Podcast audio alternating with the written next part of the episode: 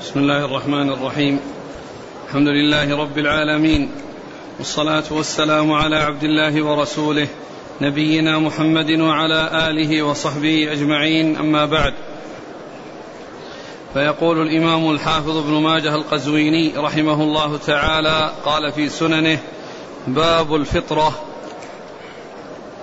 قال حدثنا أبو بكر بن أبي شيبة قال حدثنا سفيان بن عيينة عن الزهري عن سعيد بن المسيب عن أبي هريرة رضي الله عنه أنه قال قال رسول الله صلى الله عليه وعلى آله وسلم الفطرة خمس أو خمس من الفطرة الختان والاستحداد وتقليم الأظفار ونتف الإبط وقص الشارب. بسم الله الرحمن الرحيم. الحمد لله رب العالمين وصلى الله وسلم وبارك على عبده ورسوله. نبينا محمد وعلى آله وأصحابه أجمعين. أما بعد فيقول الإمام ابن ماجه رحمه الله باب باب باب في الفطرة. والمراد بالفطرة الخلقة التي خلق الله عليها الإنسان والمقصود من ذلك السنن التي تتعلق بها والتي تتعلق بتجميلها وتحسينها وكونها على أحسن حال. ولهذا فإن خصال الفطرة تتعلق ب تتعلق بجسد الإنسان وبجسم الإنسان بإزالة ما يطلب إزالته وإبقاء ما يطلب ابقائه فتتعلق بخلقة الإنسان سنن منها ما هو واجب ومنها ما هو مستحب. آه، وفيها ما يتعلق بالأخذ وفيها ما يتعلق بالإبقاء والترك وعدم التعرض آه، له. وقد أورد أبو ابن ماجه رحمه الله هذا الحديث وهو خمس من الفطرة أو الفطرة خمس وليس المقصود الحصر فيها وإنما هو ذكر آه، بعضها وشيء منها. ولهذا جاء في الأحاديث التي بعد هذا الحديث أكثر من ذلك. فإذا هذه من خصال الفطرة وهي الختان. الختان وهو إزالة الغلفة التي على رأس الذكر على الحشفة. وفي إزالتها آه، منافع ومصالح. لا, لا سيما أن فيها الطهارة وفيها النظافة لأن بقاءها تكون النجاسة في داخلها تخرج من الذكر ويبقى بعضها في داخل تلك الغلفة فإذا أزيلت فإن البول إذا خرج فإنه يذهب ولا يبقى شيء يحبسه أو شيء يتعلق به. فجاءت هذه الشريعة بهذه السنة وكذلك أيضا هي من سنن المرسلين كما جاء عن إبراهيم عليه الصلاة والسلام أنه اختتن. ف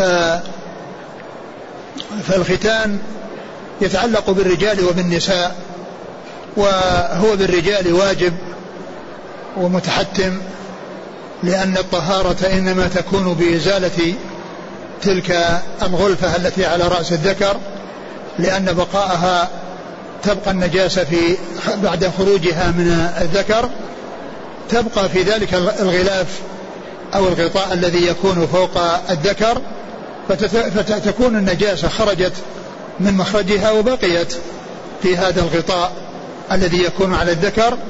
فكان الختان واجبا في حق الرجال وأما في حق النساء فليس بواجب وإنما هو مستحب.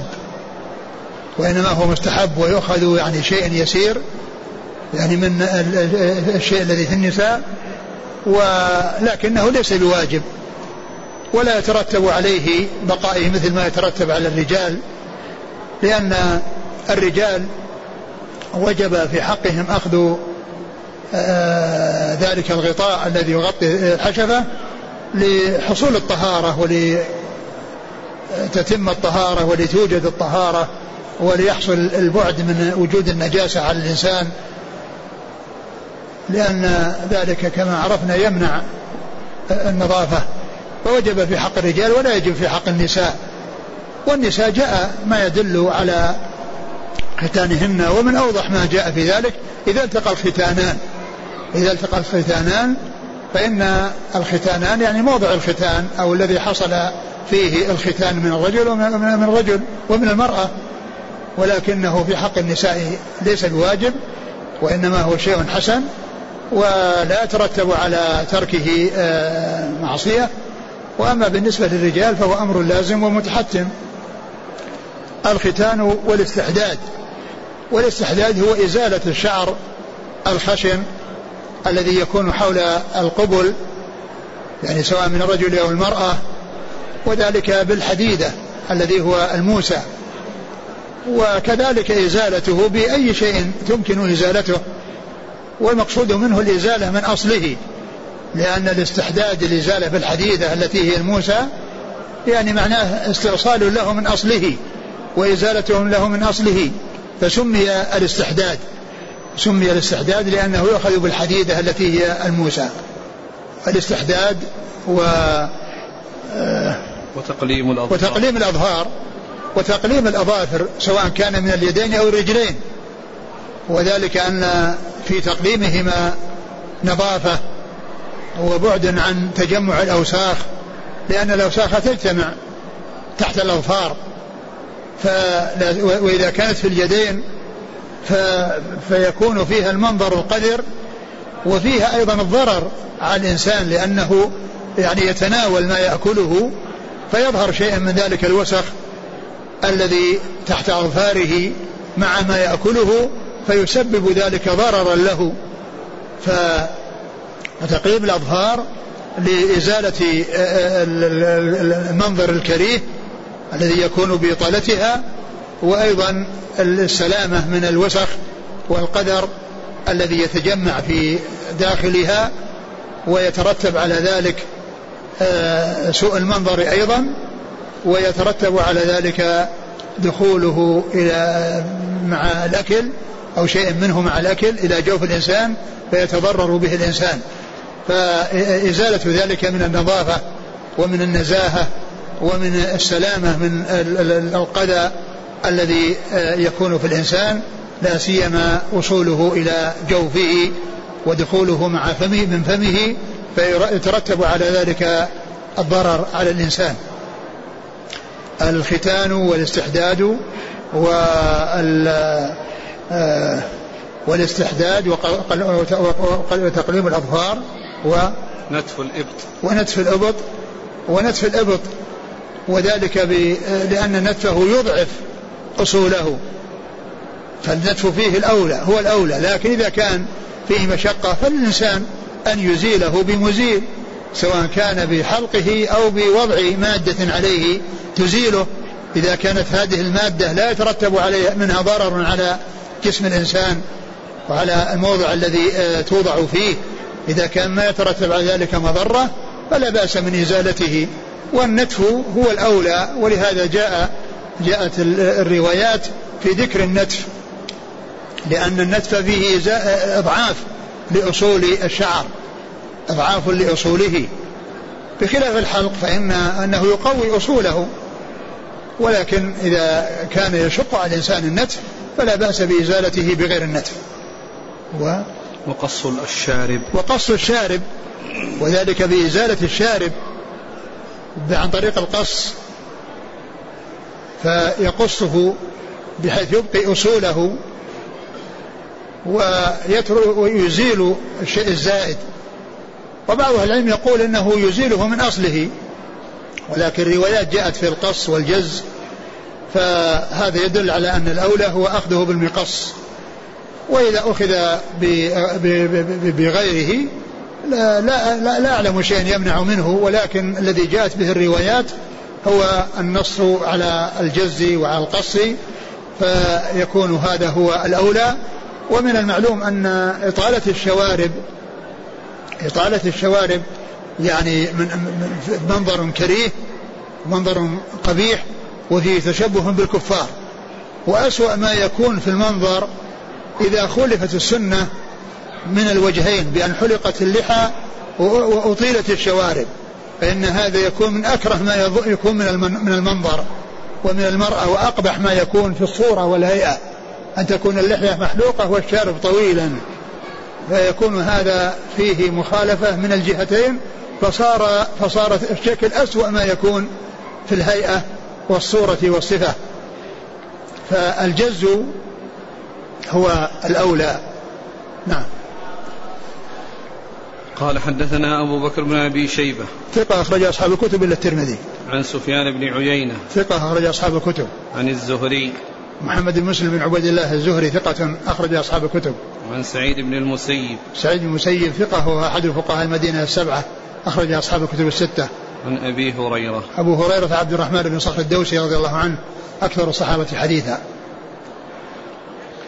قال حدثنا أبو بكر بن أبي شيبة قال حدثنا وكيع قال حدثنا زكريا بن أبي زائدة عن مصعب بن شيبة عن طلق بن حبيب عن ابن الزبير رضي الله عنهما عن عائشة رضي الله عنها أنها قالت قال رسول الله صلى الله عليه وعلى آله وسلم عشر من الفطرة قص الشارب وإعفاء اللحية والسواك والاستنشاق بالماء وقص الأظفار وغسل البراجم ونتف الإبط وحلق العانة وانتقاص الماء يعني الاستنجاء قال زكريا قال مصعب ونسيت العاشرة إلا أن تكون المضمضة.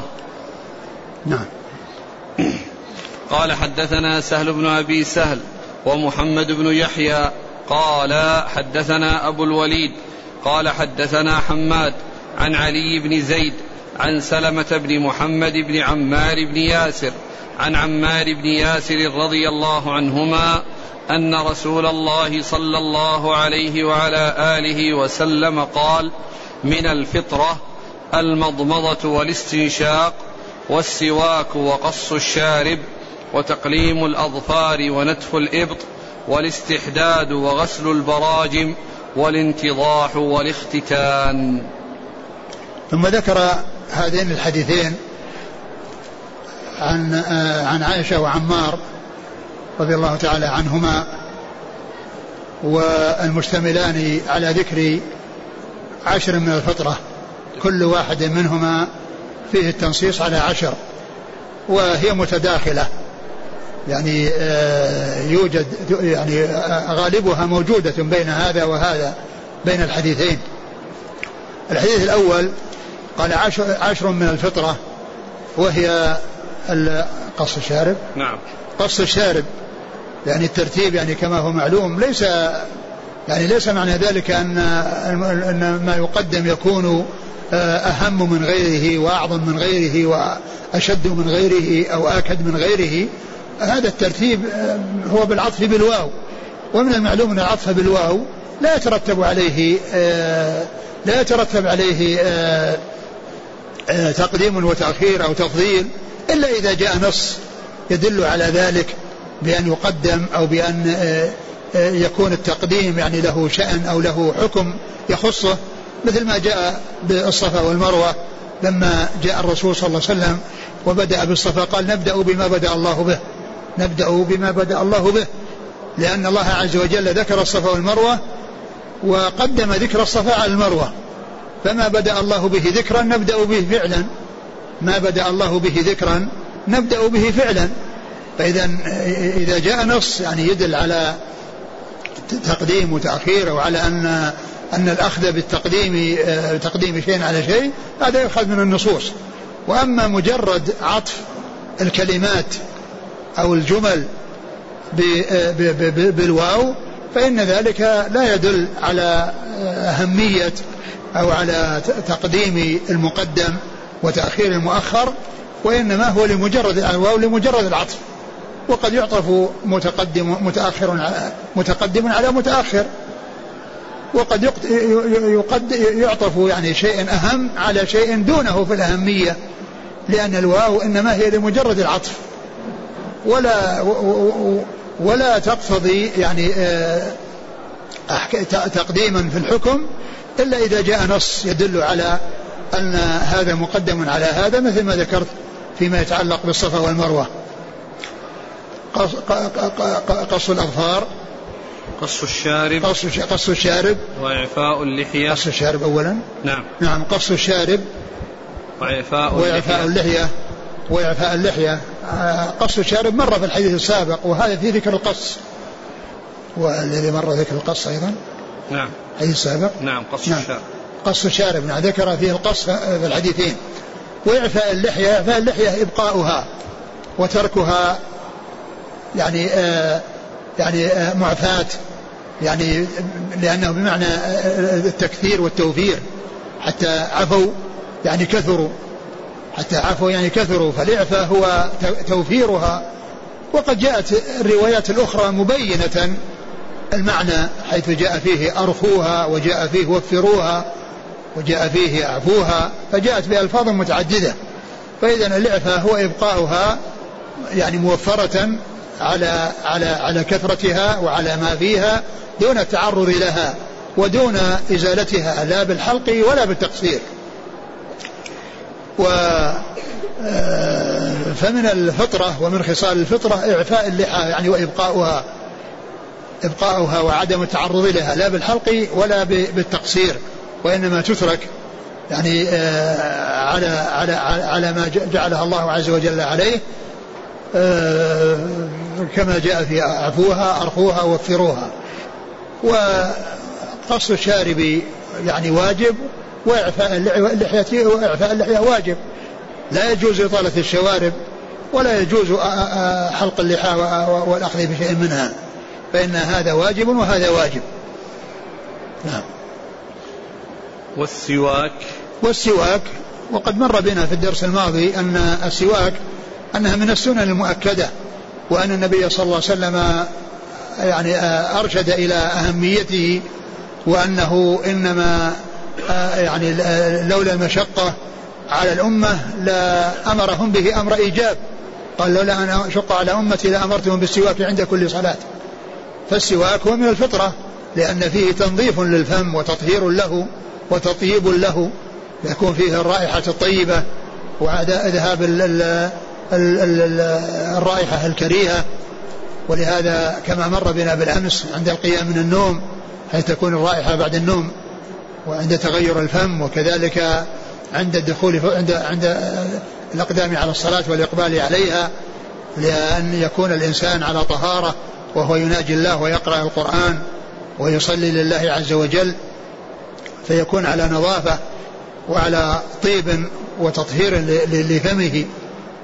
والسواك و والاستنشاق بالماء. والاستنشاق بالماء يعني في الوضوء والاستنشاق في الماء وكذلك المضمضة. ويعني وهذا فيه خلاف بين أهل العلم ولكن الصحيح وجوب المضمضة والاستنشاق لأنها جاءت يعني من خصال الفطرة وجاء أيضا الأمر بها وجاء في حكاية فعل الرسول صلى الله عليه وسلم لها. نعم. وقص الأظفار. وقص الأظفار الذي هو مر ذكره في الحديث السابق. تقليم هناك. تقليم هنا قص وتقليم وهو بمعنى واحد لأنها لأنه يؤخذ بالمقص يعني تقليم وقص بمعنى واحد. وغسل البراجم. وغسل البراجم وهي الأماكن التي يكون فيها يعني التجعد الذي يكون فيه آه، آه، حصول الأوساخ.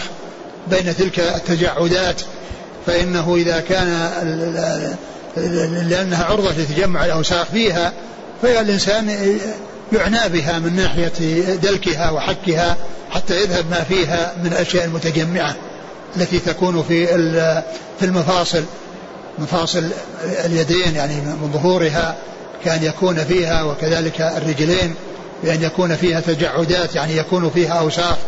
فهي يعنى بها أكثر من غيرها حتى يذهب ما علق بها وحتى ما كان في ما يوجد في تجعداتها من الأوساخ التي آآ آه، آآ آه، تقع فيها. نعم. ونتف الإبط.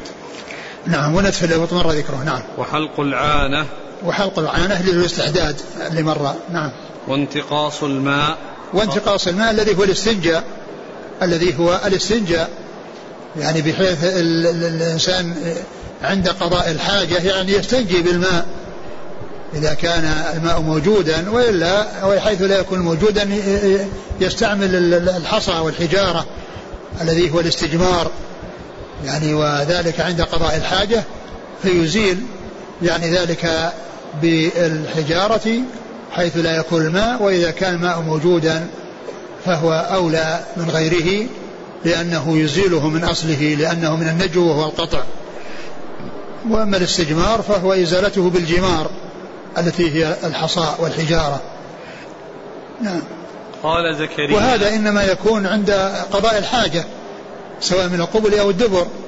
هذا هو الذي فيه الاستجمار والاستنجاء. وأما إذا كان ما هناك شيء حصل شيء من هذا فإن الإنسان يتوضأ رأسا. إذا كان ما قضى حاجته ولم يكن بحاجة إلى الاستجمار لقضاء الحاجة فإن الإنسان يأتي ويتوضأ ولا يحتاج إلى أنه يأتي ويستنجي وهو لم يقضي حاجة. إلا إذا كان أنه حصل يعني في شيء خرج منه يعني مذي أو يعني آه يعني آه شيء من البول فإنه يستنجي. لا بد من من قطع ما يخرج وإزالته بالماء. نعم. قال زكريا قال مصعب ونسيت العاشرة إلا أن تكون المضمضة. ونسيت العاشرة إلا أن تكون المضمضة يعني مع الاستنشاق لأن الاستنشاق مرة والمضمضة ما جاءت. والمضمضة هي يعني وضع الفم الماء في الفم ويعني إدارته فيه ثم مجه. وهذا فيه تنظيف للفم كما أن الاستنشاق فيه تنظيف, للأنف لأنه يستنشق ويستنثر. يستنشق يجذب ثم يخرج فيكون خرج يعني ما فيه من أذى. وكذلك الفم آه، المضمضة فيه تنظيفه وتطيبه وإزالة ما يكون فيه. نعم. قال حدثنا أبو بكر بن أبي شيبة عن وكيع. وكيع بالجراح الرؤاسي ثقة أخرج أصحاب الكتب. عن زكريا بن أبي زائدة. ثقة أخرج أصحاب الكتب. عن مصعب بن شيبة وهو لين. لين الحديث نعم. رجله مسلم وأصحاب السنن نعم. عن طلق بن حبيب وهو صدوق البخاري في المفرد ومسلم وأصحاب السنن. نعم. عن ابن الزبير. عبد الله بن الزبير رضي الله تعالى عنهما وهو أحد العباد الأربعة من أصحاب الرسول عليه الصلاة والسلام وأخرج له أصحاب الكتب الستة. عن عائشة. عن عائشة أم المؤمنين رضي الله عنها خالته عائشة أم المؤمنين رضي الله عنها وهي الصديقة من الصديق آه، وهي أحد السبعة المكثرين من حديث الرسول صلى الله عليه وسلم. يقول السائل هل علة غسل البراجم هو كون العرب يأكلون اللحم والسمن بأيديهم فيكون عرضة لتجمع الأوساخ من ذلك أم أن الأمر تعبدي محض؟ لا أبدا. يعني ليس تعبديا لأن ما دام أن فيه يعني فيها يعني شيء من التجاعيد معلوم أن الأوساخ تكون في التجاعيد. الأوساخ تستقر في التجاعيد بخلاف الشيء المستوي الذي يعني لا يكون فيه تجعد يعني يستقر فيه شيء فليست القضية قضية أن يكونهم يأكلون اللحم. الأكل الأصل معروف أنه ما كان يكل بالأيدي. ما كان يكل بالأيدي والأكل يعني عند بغير الأيدي كالملاعق وما إلى ذلك هذا شيء للحاجة. عندما يعني تكون الحاجة داعية لليل لشرب مرق أو غيره وكذلك الأكل يجوز ولكن استعمال اليدين أولى. نعم. وليس فليست القضية قضية أن يكونوا يأكلون اللحم بالأيدي وإنما كون اليدين البراجم هي التي يكون فيها التجعد ويكون فيها استقرار الأوساخ. نعم. قال حدثنا سهل بن أبي سهل الإسناد الثاني. نعم. قال حدثنا سهل بن أبي سهل. هو صدوق أخرج له ابن ماجه. نعم. ومحمد بن يحيى. هو الدهلي ثقة أخرجه البخاري وأصحاب السنة. عن أبي الوليد. وهو هشام بن عبد الملك الطيالسي ثقة أخرج أصحاب الكتب. عن حماد. حماد بن سلمة ثقة أخرج أصحاب الكتب. البخاري تعليقا ومسلم وأصحاب السنة. عن علي بن زيد.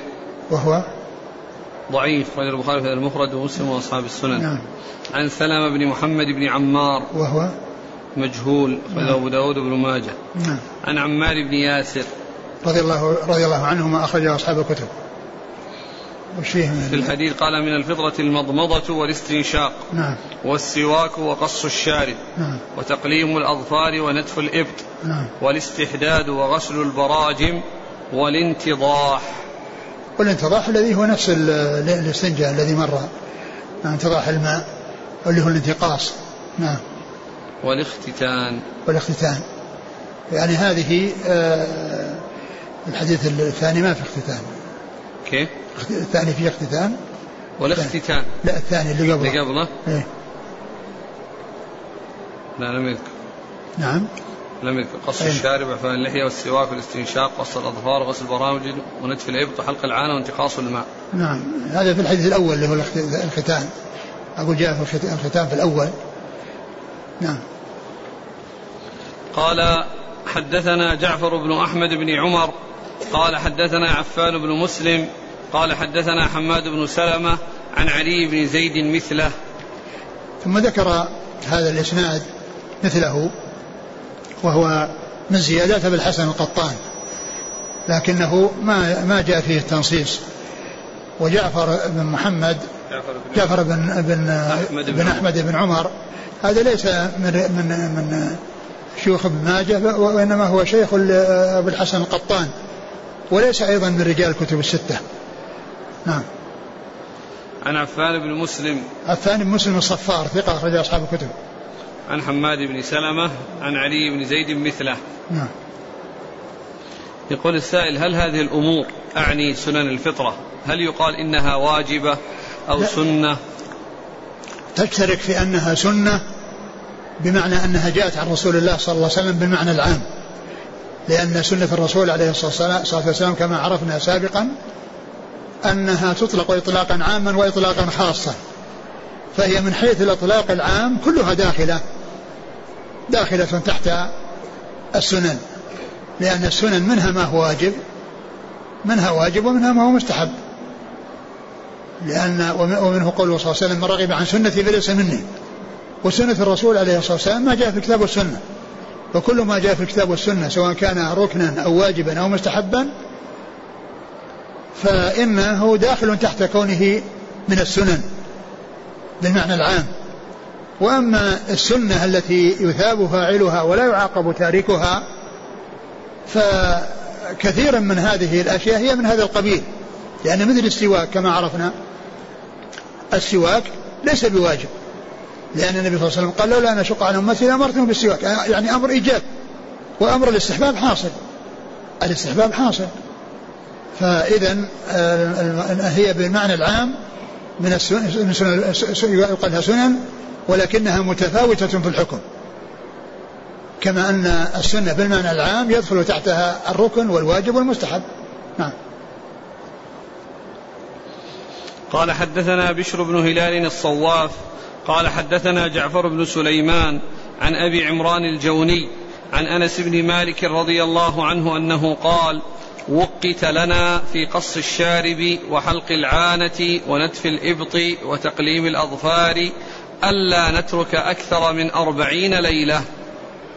وقت نعم أعد وقت لنا في قص الشارب وحلق العانة ونتف الإبط وتقليم الأظفار. ألا نترك أكثر من أربعين ليلة. وهذا الحديث يدل على يعني البيان الحث على إزالتها وأنها لا تؤخر يعني إلى هذه المدة التي هي أربعين ليلة وأنه ينبغي أن تتعاهد قبل ذلك لأن هذا حد لأنها لا يوصل بها إليه بحيث تتعداه. وأما ما دونه فإنه مطلوب يعني بأنه إذا وجدت وحصلت طول الشارب ويعني وكذلك طول الأظفار فإنها تزال قبل أن يوصل إلى ذلك الوقت. لكن هذا هو الحد الذي لا يتجاوز. الأربعين ليلة هو الحد الذي لا يتجاوز ولا تترك أكثر من هذه المدة وإنما يبادر بها إذا وجدت وحصل المقتضي لإزالتها وإن لم يصل إلى هذه المدة. لكن هذه المدة هي الحد البعيد أو الحد الأبعد الأعلى الذي لا تتجاوز إياه. وإلا فإن المبادرة إلى أخذها وإزالتها وتعاهدها قبل ذلك هذا هو المطلوب. وإنما هذا توقيت توقيت لآخر الوقت الذي لا يتجاوز ولا يتعدى. وقول الصحابي وقت لنا الموقت هو رسول الله صلى الله عليه وسلم الذي جعل ذلك وقتا. وهذا من جنس أمرنا بكذا ونهينا عن كذا أمرنا بكذا ونهينا عن كذا الآمر هو رسول الله صلى الله عليه وسلم. والناهي رسول الله صلى الله عليه وسلم فوقت هي من هذا القبيل. يعني أن الرسول عليه الصلاة والسلام وقت لهم أنهم لا يتركون هذه الأمور الأربعة التي هي قص الشارب تقليم الأظفار ونتف الإبط وحلق العانة لا تترك أكثر من أربعين يوما. نعم. قال حدثنا بشر بن هلال الصواف. هو؟ ثقة أخرجه مسلم وأصحاب السنن. نعم. عن جعفر بن سليمان. هو صدوق البخاري في المفرد ومسلم وأصحاب السنن. نعم. عن أبي عمران الجوني. وهو ثقة أخرج له. أصحاب الكتب. نعم. عن أنس بن مالك. أنس بن مالك رضي الله عنه خادم رسول الله عليه الصلاة والسلام وأحد السبع المكثرين من حديثه. وهذا من أعلى الأسانيد عند ابن ماجه وهي الرباعيات. من أعلى الأسانيد عنده وهي الرباعيات. عنده خمسة حديث ثلاثيات. وكلها بإسناد واحد وهو ضعيف. ويعني بعد هذه الخمسة الضعيفة الثلاثية أعلى ما يكون عنده الرباعيات وهذا منها. نعم. يقول السائل من ترك هذه الأشياء أي خصال الفطرة ولم يقم بإزالتها فوق أربعين يوما هل يأثم؟ نعم يأثم لأن هذا حد أعلى. نعم. قال رحمه الله تعالى باب ما يقول الرجل إذا دخل الخلاء. قال حدثنا محمد بن بشار قال حدثنا محمد بن جعفر وعبد الرحمن بن مهدي. قال حدثنا شعبة عن قتادة عن النضر بن أنس عن زيد بن أرقم رضي الله عنه أنه قال قال رسول الله صلى الله عليه وعلى آله وسلم إن هذه الحشوش محتضرة. فإذا دخل أحدكم فليقل اللهم إني أعوذ بك من الخبث والخبائث. آه باب ما باب ما يقول إذا دخل الخلاء.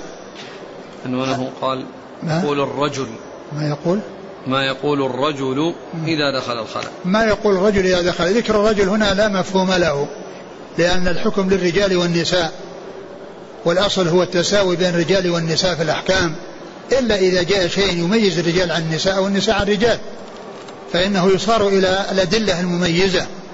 وإلا فإن الأصل هو التساوي وذكر الرجال سواء في كلام العلماء مثل كلام ما جاء هنا لأنه ذكر الرجل أو في, في الأحاديث مثل قوله صلى الله عليه وسلم لا تقدم رمضان بيوم أو يومين إلا رجل كان يصوم صوما فليصومه إلا رجلا كان يصوم صوما فليصوم فإن المرأة مثله.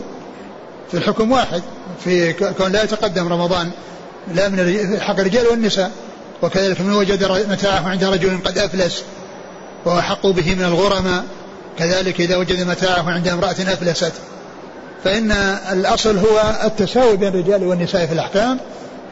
ولكنه أحيانا يأتي ذكر الرجال آه، والتنصيص عليهم مع أن الأصل هو الاشتراك والتساوي لأن الغالب أن الخطاب مع الرجال لأن الغالب الخطاب مع الرجال. فمن أجل ذلك يعني آه، فمن أجل ذلك آه، يأتي ذكر الرجال في كلام العلماء وفي كلام وفي حديث رسول الله عليه الصلاة والسلام لأن الغالب أن الخطاب معهم وإن كان الحكم هو التساوي. و والخلاء هو مكان قضاء الحاجة. هو المكان الذي تقضى فيه الحاجة ويحصل فيه قضاؤها. فإن الإنسان عند الدخول يسمي الله عز وجل. يسمي الله. يعني يذكر اسم الله عز وجل. يذكر اسم الله يذكر اسم الله ويستعاذ بالله من الخبث والخبائث كما جاء في الأحاديث. يعني و قال إيش؟ المتن قال إذا كان إن هذه الحشوش محتضرة. فإذا دخل أحدكم فليقل اللهم إني أعوذ بك من الخبث والخبائث. لا هذا هو؟ إيه نعم. نعم. آه إن هذه الحشوش المحتضرة فإذا يعني فإنه يذكر الله عز وجل لكنه قبل أن يدخل عند إرادة الدخول. قال فإذا فإذا دخل. فإذا دخل يعني أراد الدخول. لأنه ليس المقصود أنه يقولها بعد الدخول وإنما يقولها عند إرادة الدخول. مثل آه، إذا قمتم إلى الصلاة يعني أردتم القيام. إذا قمتم إلى الصلاة فاغسلوا إذا أردتم القيام. إذا إذا دخلتم أردتم الدخول. يعني ما يقولها وقد دخل وإنما يقولها عند دخوله أو إرادة دخوله. فإن فإن المقصود بذلك هو إتيان آه، بها قبل. مثل آه، آه، يعني الاستعاذة عند قراءة القرآن. يعني إذا أراد الإنسان يقرأ فإنه يستعيذ يعني قبل أن يقرأ. يعني قبل أن يقرأ يستعيذ يعني تكون يكون قبل ذلك. فإذا تأتي أحيانا يراد بها يعني عند المقاربة. مثل وإذا طلقتم النساء فبلغن أجلهن فأمسكوهن بمعروف أو سرحوهن بمعروف. ولا تمسكون ضرارا فإن قوله إذا فإذا بلغنا أجلهن يعني قاربنا بلوغ الأجل لأنها لو خرجت العد من العدة ما يصير فيه إمساك لها ولا ولا سبيل له إلى إمساكها إلا بعقد جديد. فاذا فإذا بلغنا أجلهن يعني قاربنا بلوغ الأجل فأمسكوهن بمعروف أو أو أو, أو سرحوهن بمعروف أو سرحوهن بمعروف. بخلاف الآية التي بعدها فلا تعضلوهن وإذا طلقتم النساء فبلغن أجلهن فلا تعضلوهن. يعني بلغن أجلهن يعني خرجنا من من العدة. فلا تعضلوهن ينكحن أزواجهن. إذا أردنا الرجوع للزوج الأول فإن وليها لا يعضلها ويمنعها. فالآية الأولى فيها المقاربة والآية الثانية فيها بعد الحصول وحصول البلوغ. يعني مقاربة البلوغ بالأولى وحصول البلوغ في الثانية. الآية الأولى فإذا بلغنا أجلهن فأمسكوهن بمعروف وسرحوهن بمعروف يعني إذا قاربنا لأنها لو خرجت من العدة ما كان بإمكانه أن يمسكها وإمساكها إنما يكون بعقد جديد وبخطبة ويكون واحد من الخطاب. والآية الثانية وإذا طلقتم النساء فبلغن أجلهن فلا تعضلوهن فبلغن أجلهن يعني أكملن الأجل لأنه قبل بلوغ الأجل يمكنه أن يسترجعها يمكنه أن يسترجعها وإنما ولهذا نهي الأولياء من العضل لأن لأنه صار الأمر يحتاج إلى خطبة ويحتاج إلى عقد جديد فصار للولي دخل. أما إذا كان قبل بلوغ الأجل فإن آه، الزوج يراجع ما دامت في العدة ما دامت الطلاق رجعي. نعم. إن هذه الحشوش محتضرة. إن هذه الحشوش يعني أماكن قضاء الحاجة. يعني جمع حش وهو مكان قضاء الحاجة. محتضرة يعني تحضرها الشياطين. لأنها تحضر الأماكن الرديئة والأماكن القذرة والأماكن التي لا يذكر فيها الله عز وجل. ليس فيها ذكر الله لأن الأماكن هذه لا يذكر الله فيها وإنما يذكر قبل الدخول فيها وبعد الخروج منها. بعد دخول, دخول قبل الدخول وبعد الخروج. وأما في داخلها فليس فيها فيه ذكر لا يذكر الإنسان الله عز وجل ولا يحصل منه الذكر بلسانه. وأما كونه يستحضر ذكر الله في قلبه فهذا شيء ليس بممنوع. نعم. فليقل اللهم إني أعوذ بك من الخبث والخبائث. فليقل اللهم إني أعوذ بك من الخبث والخبائث. الخبث جمع خبيث والخبائث جمع خبيثة. وقيل المقصود من ذلك ذكور ذكور الجن الشياطين وإناثهم. الذكور والإناث الخبث للذكور والخبائث للنساء. نعم. ويعني هذا الحديث وغيره من الأحاديث التي تتعلق بقضاء الحاجة هذه من أوضح الأدلة على كمال الشريعة وأنها كاملة لا نقص فيها. حتى هذه الأمور التي هي أماكن قضاء الحاجات جاء جاءت السنن في آدابها وأحكامها وما يقوله عند الدخول في, أماكنها والخروج منها وكذلك ما يكون عليه في الاستنجاء وكيف يستعمل وأنه يستنجي بثلاث أحجار ولا يستنجي بروث ولا عظم. هذا كله يبين لنا كمال الشريعة. ولهذا كونها جاءت بهذه الآداب وبهذه الأحكام ولهذا لما قيل لسلمان بين لكم رسول حتى كل شيء حتى القراءة قال نعم. يعني بين لهم كل ما يتعلق بالأحكام والآداب حتى آداب قضاء الحاجة. قال بين أنه لا يستنجى برجيع, برجيع ولا عظم ولا آه، أقل من ثلاثة أحجار. كل هذه من الآداب الدالة على كمال الشريعة. فكون, فكون الشريعة تأتي بمثل هذه الأمور كيف يتصور بأن فيها نقص؟ وهذا من أوضح ما يرد به على البدع الذين يبتدعون البدع ويضيفونها ويتعبدون الله عز وجل بها. ولهذا جاء عن مالك رحمة الله عليه أنه قال آه، من قال إن في الإسلام بدعة حسنة فقد زعم أن محمدا خان الرسالة. من قال إن في الإسلام بدعة حسنة فقد زعم أن محمدا خان الرسالة لأن الله تعالى يقول اليوم أكملت لكم دينكم وأتممت عليكم نعمتي. فما لم يكن يومئذ دينا لا يكون اليوم دينا. يعني ما لم يكن دينا في زمان محمد صلى الله عليه وسلم وأصحابه فإنه لا يكون دينا إلى قيام الساعة. فإنه لا يكون دينا إلى قيام الساعة. فإذا الشريعة كاملة لا تحتاج إلى أن يضاف إليها إضافات وأن يلصق بها شيء ليس منها وليس في الإسلام بدعة حسنة بل البدع كلها ضلال كما قال عليه الصلاة والسلام وكل بدعة ضلالة.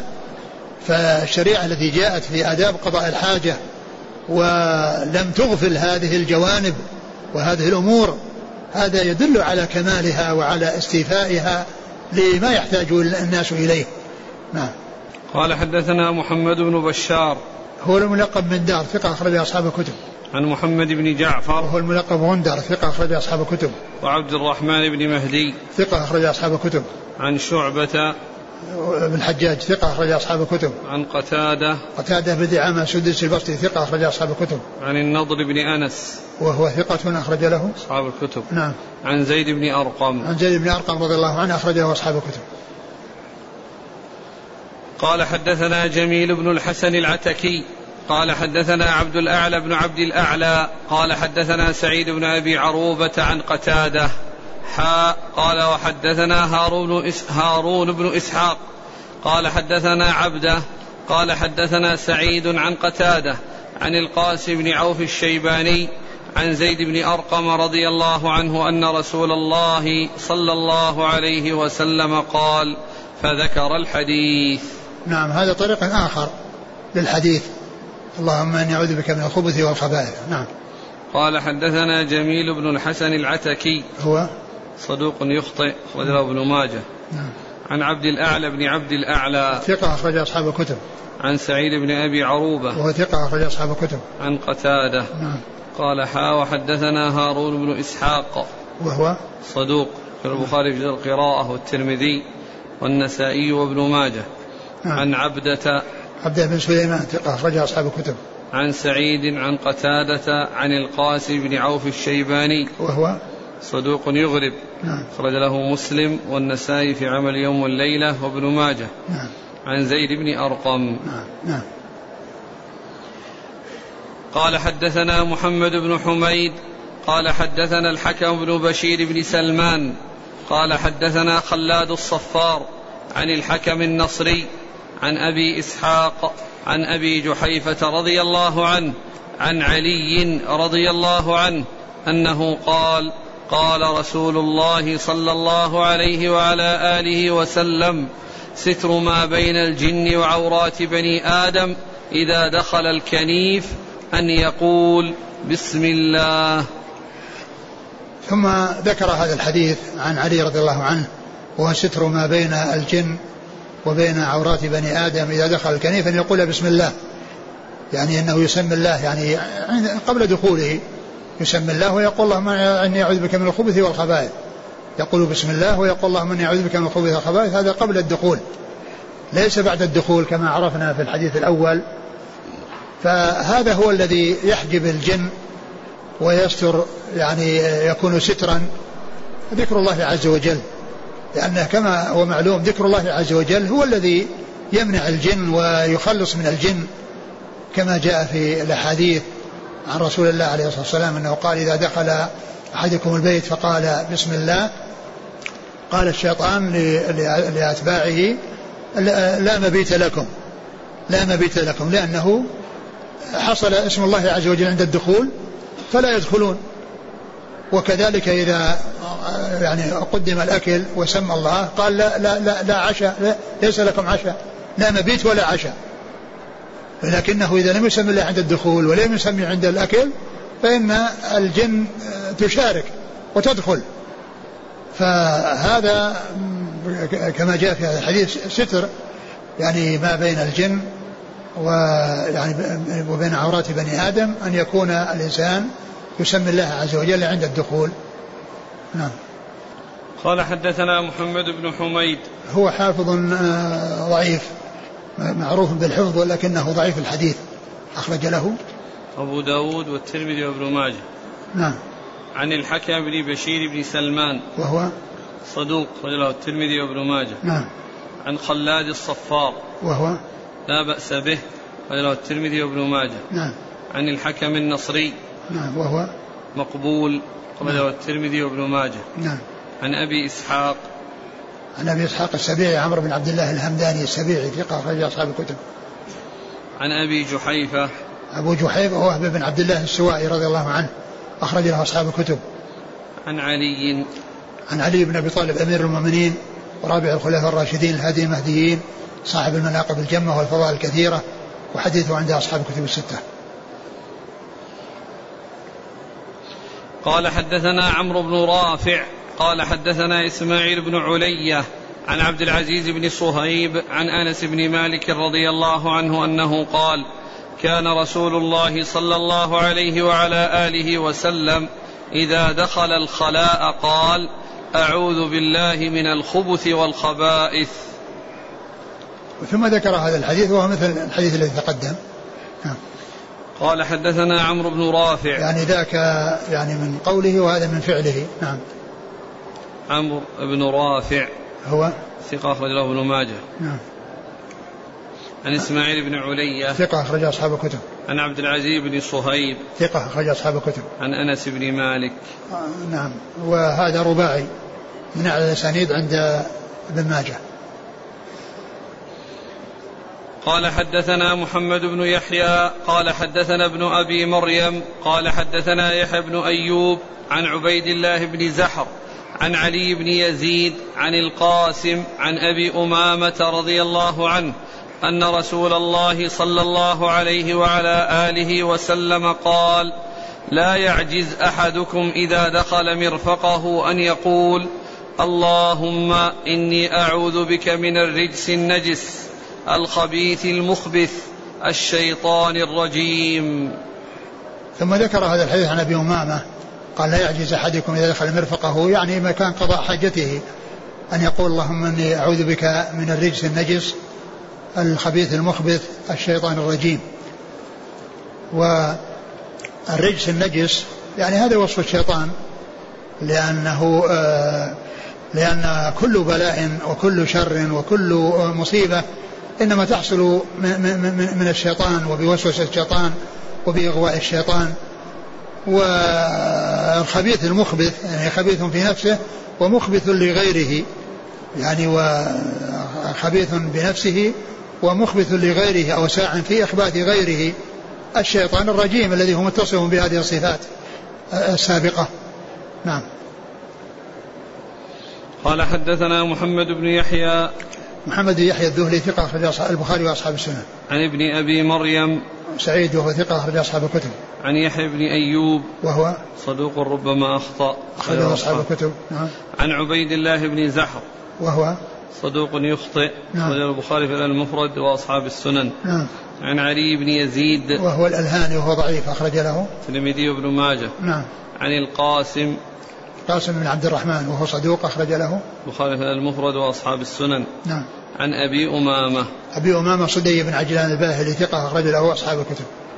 والحديث في إسناده علي بن يزيد الألهاني وهو ضعيف. فلا يعني يعني يؤتى بهذا الذكر وإنما يؤتى بالذي ورد وهو بسم الله اللهم إني أعوذ بك من الخبث والخبائث. نعم. قال أبو الحسن وأخبرنا أبو حاتم قال حدثنا ابن أبي مريم فذكر نحوه ولم يقل في حديثه من الرجس النجس وإنما قال من الخبيث المخبث الشيطان الرجيم.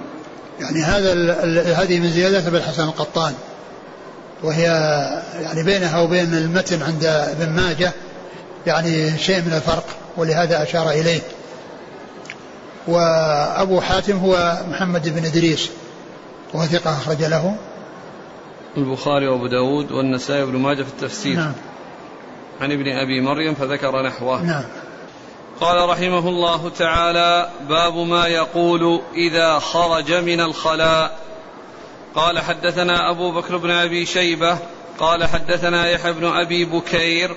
قال حدثنا إسرائيل. قال حدثنا يوسف بن أبي بردة.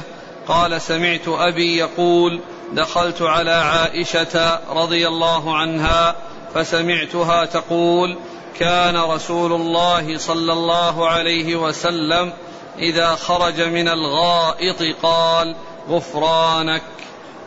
ثم قال ما يقول إذا خرج من الخلاء؟ ذكر ما يقول الحديث المتعلقة بالدخول عند الدخول في الخلاء وثم ذكر ما يتعلق أو ما يقال عند الخروج من الخلاء. وذكر حديث عائشة رضي الله عنها أن النبي صلى الله عليه وسلم كان إذا خرج من الخلاء قال غفرانك. يعني أسألك غفرانك. وقيل إن آه، ذكر هذا الدعاء عند الخروج. يعني من أجل أن الإنسان يعني في حال آه، دخوله في في مكان قضاء الحاجة لا يذكر الله عز وجل. يعني فهو يعني يستغفر الله عز وجل مما حصل مما يحصل من النقص. وما يحصل من من عدم القيام بذكر الله عز وجل في ذلك الوقت. ومن المعلوم أنه إنما امتنع منه للتوجيه الذي قد حصل وأن الإنسان ليس له أن يذكر الله عز وجل وإنما يذكره عند الدخول وبعد الخروج قبل الدخول وبعد الخروج. فيكون لما يحصل من عدم الذكر في أو مضي شيء من الوقت لا يذكر الله تعالى فيه فيسأل الله عز وجل المغفرة لذلك. نعم. قال حدثنا أبو بكر بن أبي شيبة عن يحيى بن أبي بكير. ثقة أخرج له. أصحاب الكتب. نعم. عن إسرائيل. ثقة أخرج أصحاب الكتب. عن يوسف بن أبي بردة. وهو؟ مقبول. نعم. البخاري في الأدب المفرد وأصحاب السنن. نعم. عن أبيه.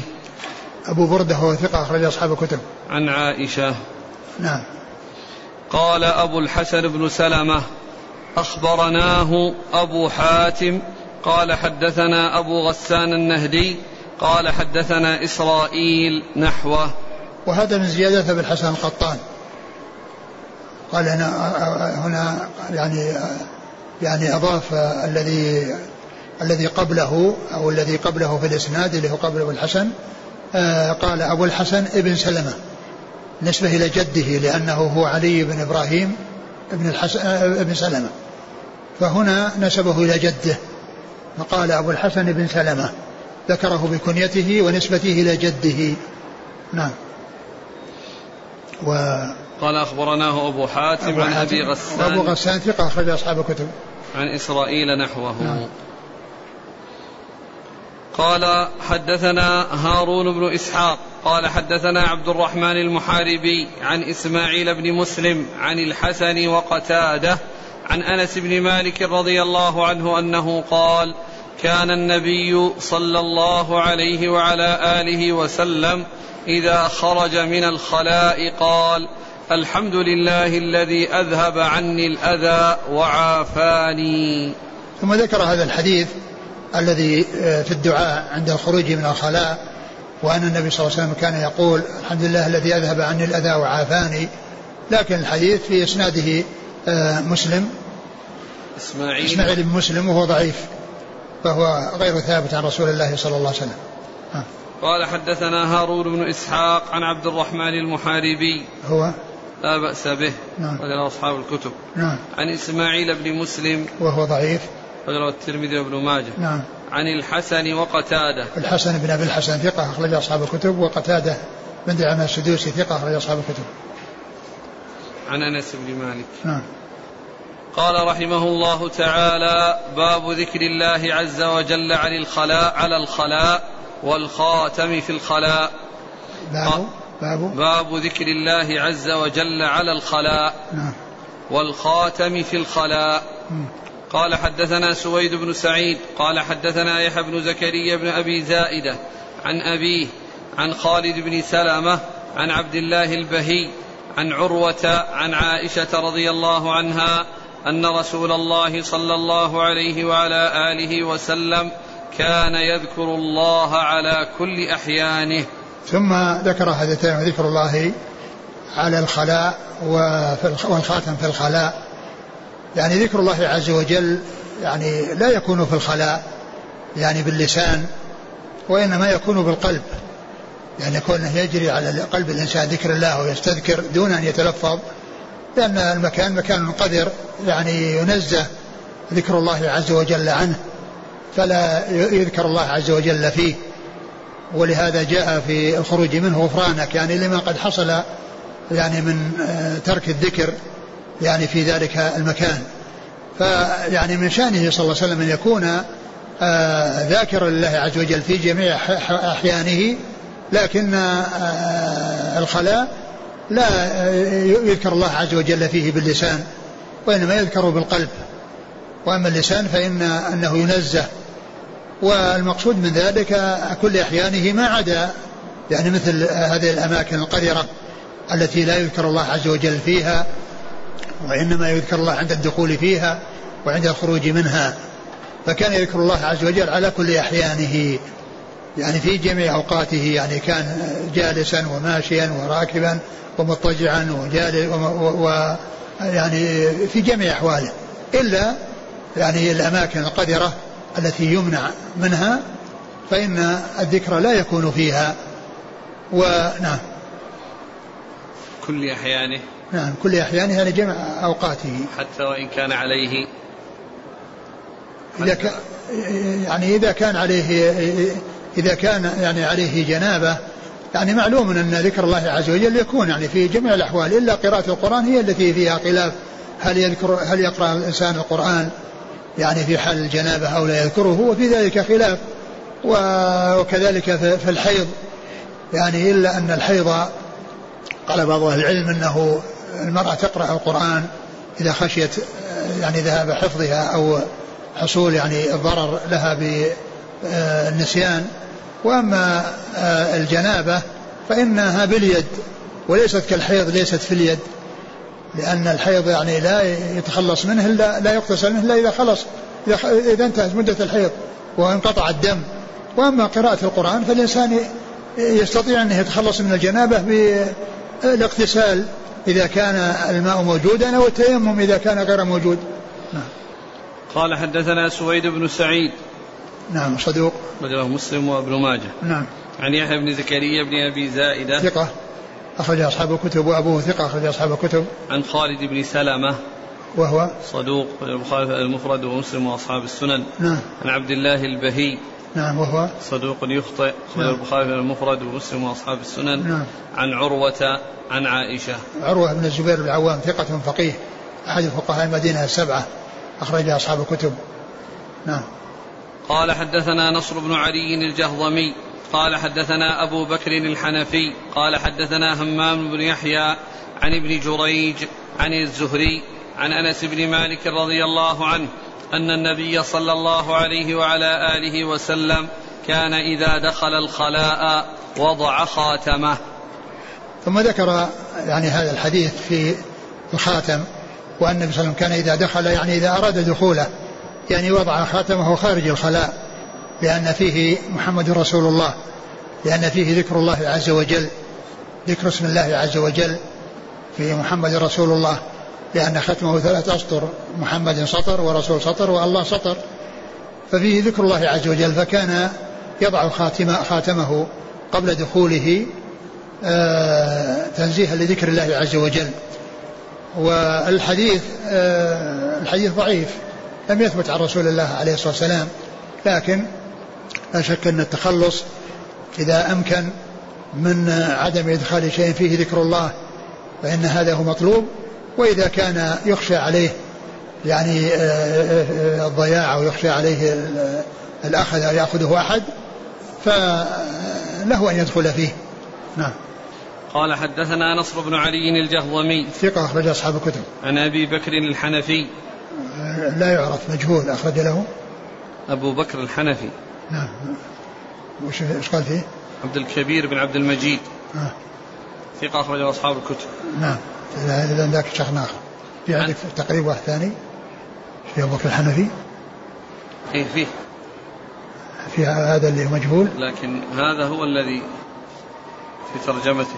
هو الذي الرواية. ها؟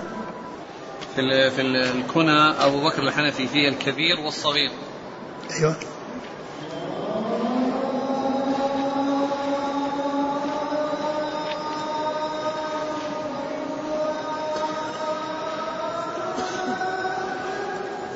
من الذي روى عنه؟ أبو بكر الحنفي اثنان الأول أبو بكر الحنفي الأكبر. اسمه عبد الله آه، لا يعرف حاله من الرابعة إلى أصحاب السنن. والثاني أبو بكر الحنفي الصغير اسمه عبد الكبير بن عبد المجيد من الطبقة إيش؟ آه، وهو من التاسعة أصحاب هو- هذا نعم صغير لأنها من شيوخ شيوخ آه، ابن ماجه ابن ماجه نعم هو ثقة أخرج له. أصحاب الكتب. نعم. عن همام بن يحيى. هو العوذي وهو ثقة أخرج أصحاب الكتب. أسأل الله إليك.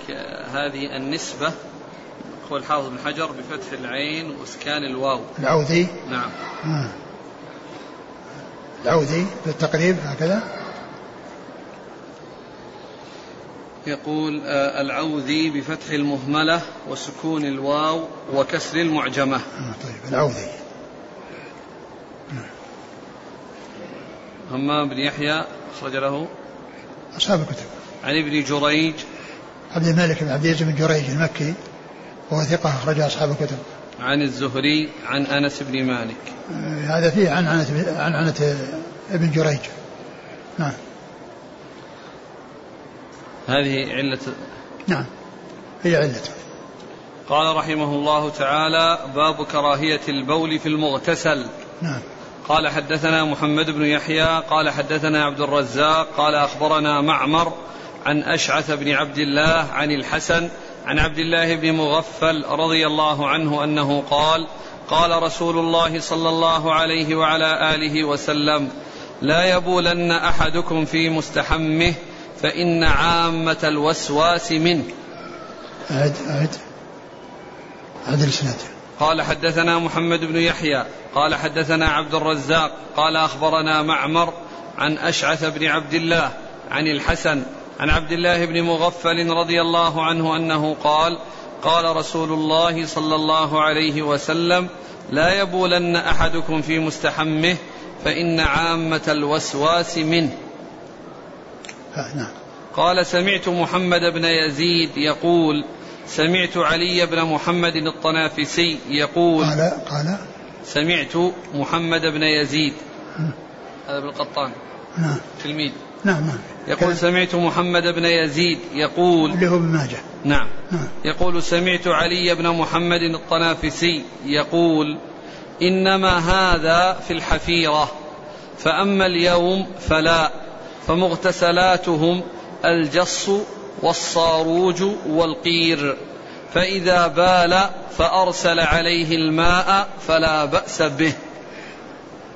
ما أورد البول في المستحم. كراهية كراهية البول في المستحم. المغتسل. في المغتسل الذي يغتسل فيه. المكان الذي يغتسل فيه.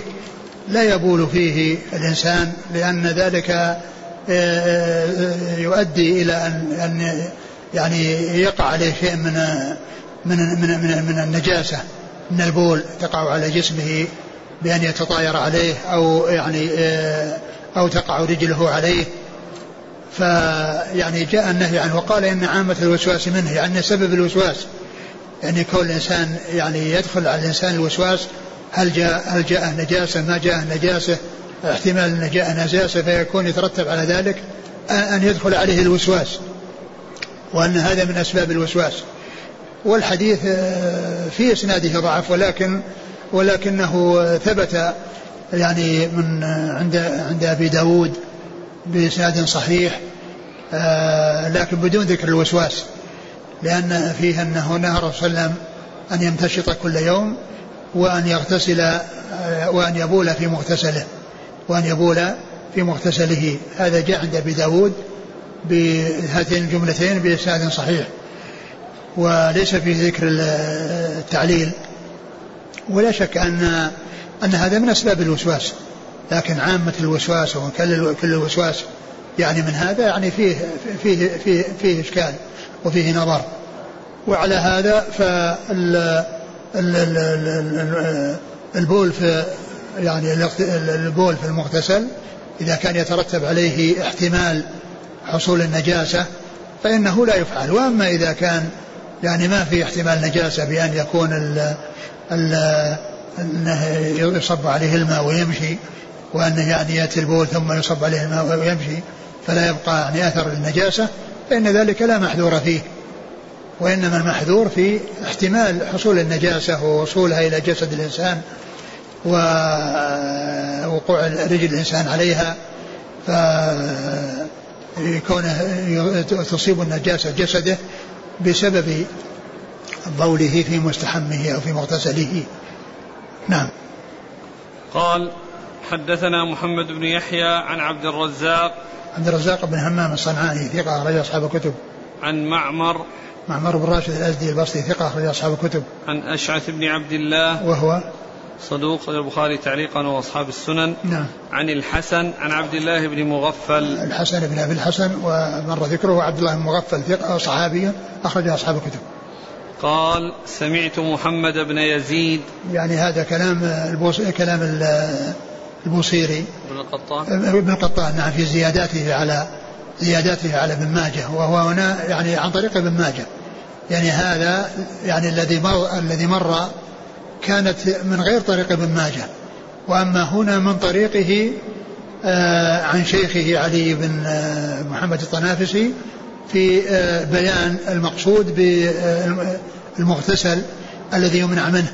وهو ما إذا كان يعني مكانا يعني حفيرة يعني بحيث يعني يقع فيها النجاسة وتصل إلى الإنسان. وأما إذا كان يعني قد هو صلب بأن يكون مقير أو يكون عليه الجص الذي هو معدن من المعادن يحمى بالنار ثم يتخذ يعني طلاء للجدران التي تبنى بالطين بحيث إذا نزل الماء يعني ما يؤثر عليها لأنه يكون صلبا ولا يؤثر فيه المطر.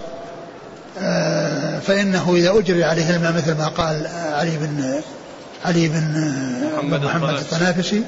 فإنه لا يؤثر بأن يكون بال أجر عليه الماء وراح وصار المكان نظيفا ليس فيه محذور.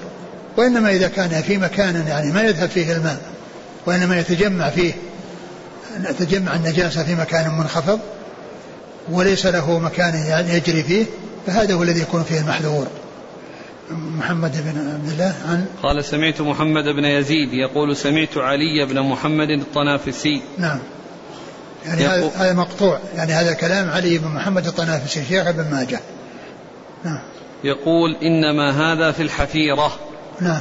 فأما اليوم فلا فمغتسلاتهم الجص والصاروج والقير. يعني معناه أشياء يعني صلبة أو توضع على الشيء فيكون صلبا بحيث إذا صب عليه الماء جرى وذهب. نعم. فإذا بال فأرسل عليه الماء فلا بأس به. نعم.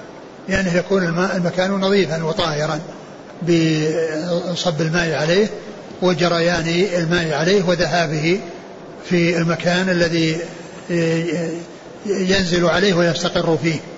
نعم. انتهى. والله تعالى أعلم وصلى الله وسلم وبارك على عبده ورسوله نبينا محمد وعلى آله وأصحابه أجمعين. جزاكم الله خيرا وبارك الله فيكم. ألهمكم الله الصواب ووفقكم للحق. ونفعنا الله بما سمعنا وغفر الله لنا ولكم وللمسلمين أجمعين. سبحانك اللهم وبحمدك أشهد أن لا إله إلا أنت أستغفرك وأتوب إليك.